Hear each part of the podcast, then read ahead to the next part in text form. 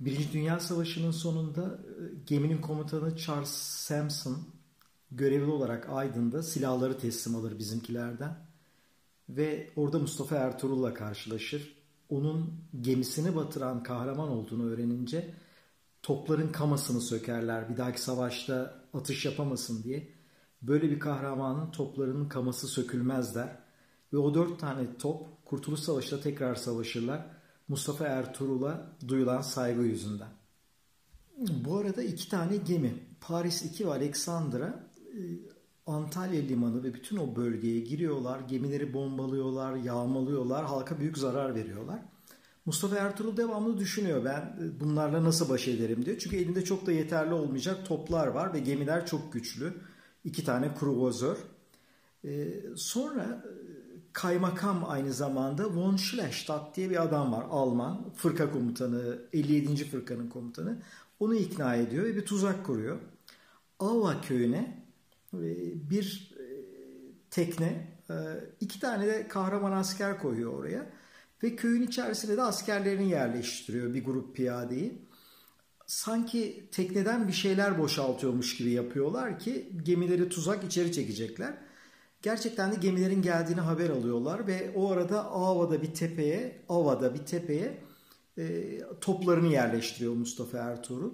Cidden de iki tane asker e, bir şeyleri böyle boşaltır gibi yapıyorlar tekneden ve Alexandra ile Paris'teki giriyorlar e, İske limandan içeri e, bir küçük tekneye askerlerin bir grubu biniyor Fransız askerleri ve kıyıya doğru gelirlerken iki asker kaçıyorlar bizimkiler ve e, kayıya ateş başlıyor. Tepeden de ateş başlıyor, top ateşi başlıyor.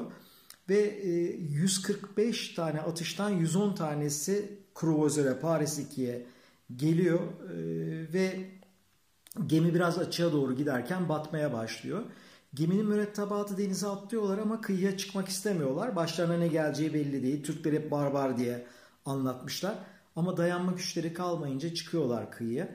Orada büyük şaşkınlık başlıyor. Ee, çünkü askerler gömleklerini yırtıp yaraları tedavi ediyorlar. O kadar şaşırıyorlar ki Fransızlar bizim askerlerin yanaklarını öpüyorlar. Çünkü böyle bir şeye alışık değiller. Ee, esir alınınca başlarına ne gelecekleriyle ilgili e, fikirleri farklı tabii ki. Ben size burada e, Mustafa Ertuğrul'la ilgili Mustafa Aydemir'in kitabından, kitabı en sonunda size tanıtmayı çok istiyorum. Kendi dilinden bir şeyler anlatmayı istiyorum. Kendisi nasıl yazmış Mustafa Ertuğrul? Sahile çıkan esirler bitkin bir halde olup 13'ü yaralıydı. İhtimamla yaraları sarılarak köye nakledildi. Azami şefkat ve merhamet karşısında şaşıran bu zavallılar yüzümüze tuhaf tuhaf bakıyorlar ve sıcak muhite inanamıyorlardı. Gece oldu. Zaferden mütevellit neşemizi mustarip yaralı esirlerimize hürmeten ishar edemedik diyor. Ee, sevinmeyelim de üzülmesinler diye.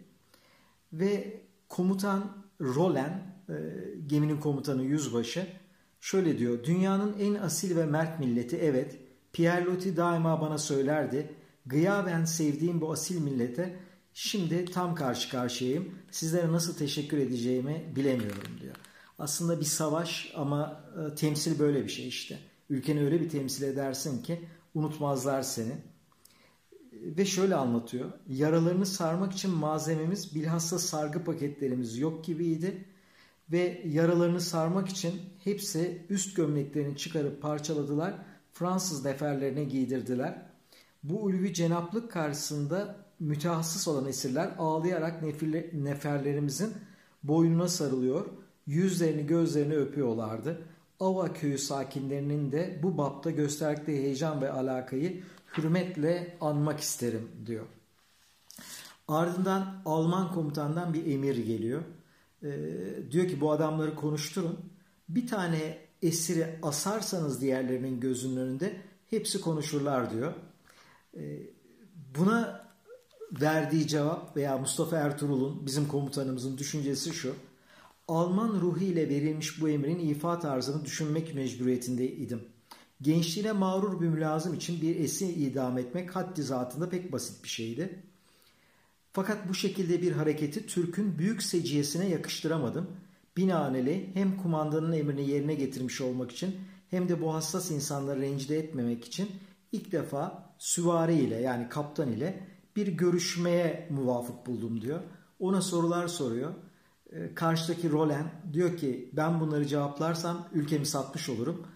O da büyük bir saygı gösteriyor. Kahramanlık budur diyor. Ee, olayın olduğu gün 13 Aralık 1917. 15 Aralık'ta e, esirlerle beraber Antalya'dan içeri girdiklerinde saat 3'te Antalya halkı büyük bir coşkuyla karşılıyor.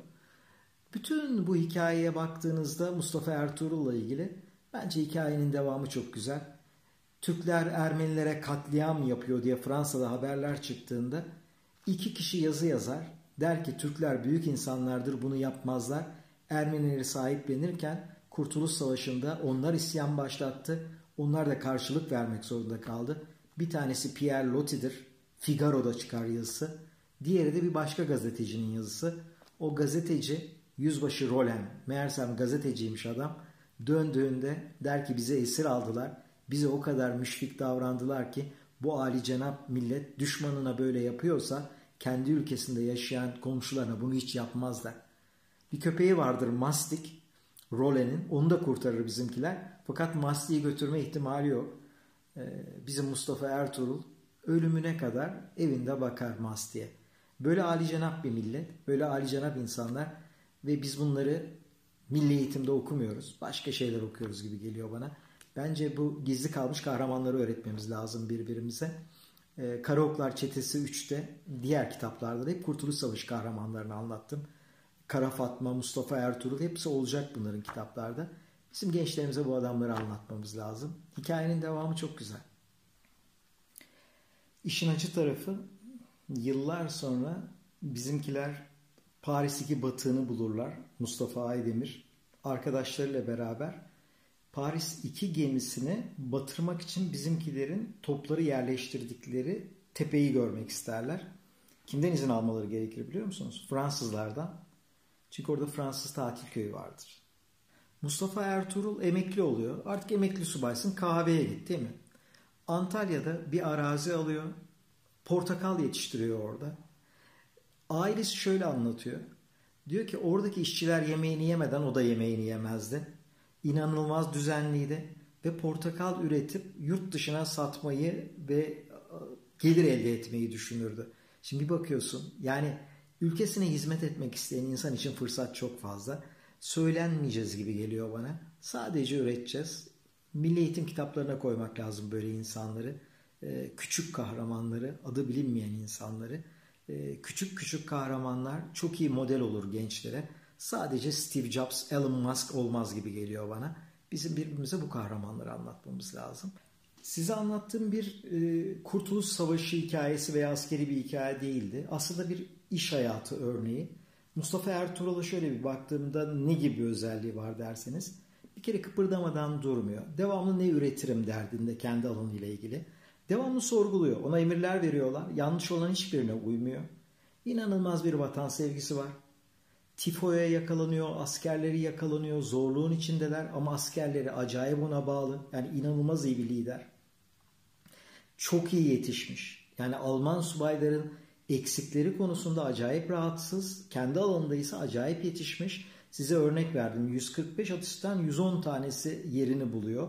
Ee, nerede ne yapacağıyla ilgili inanılmaz iyi fikri var. Rakibine karşı acayip saygılı ve o saygının dönüşünü anlattığım hikayede dinlediniz zaten. Bir de bence ders çıkarmayı çok iyi biliyor ve intizamlı bir adam. Ders çıkarmayı nereden biliyor?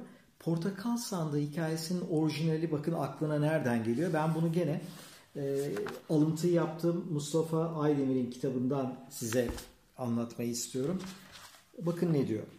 Truva'yı dışarıdan hücumla zapt edemeyen Yunanlıların tahtadan yaptıkları büyük bir at içinde zırhlı muharipler koyarak göya rüçhat ediyormuş gibi, kaçıyormuş gibi gece muharebe meydanını terk ettikleri ve bu atı da götüremedikleri için bırakmış gibi muharebe meydanında bıraktıkları, Truvalıların da sabahleyin boş buldukları meydanda ele geçirdikleri bu muazzam ganimeti şehre getirdikleri fakat gece yarısı atın içinden fırlayan muhariplerin gece karanlığından bil istifade surların dibine kadar sokulan ordularına kalenin kapılarını açtıkları çok meşhur bir tarih vakasıdır. Fakat bir oltanın ucuna takılan küçük bir yemle koskoca bir balığın avlanması gibi portakal yüklü bir kayıkla koca bir krovözörün avlanmasını bilmem harp tarihi kaydetmiş gibidir. İşte biz bunu yaptık. Türk'ün isterse tavşana araba ile nasıl avladığını gösteren bu hadiseyi şöylece hülasa edebilirim diyor. Bakış açısı inanılmaz değerli. Allah gani gani rahmet eylesin. Çok öpüyorum yanaklarınızdan.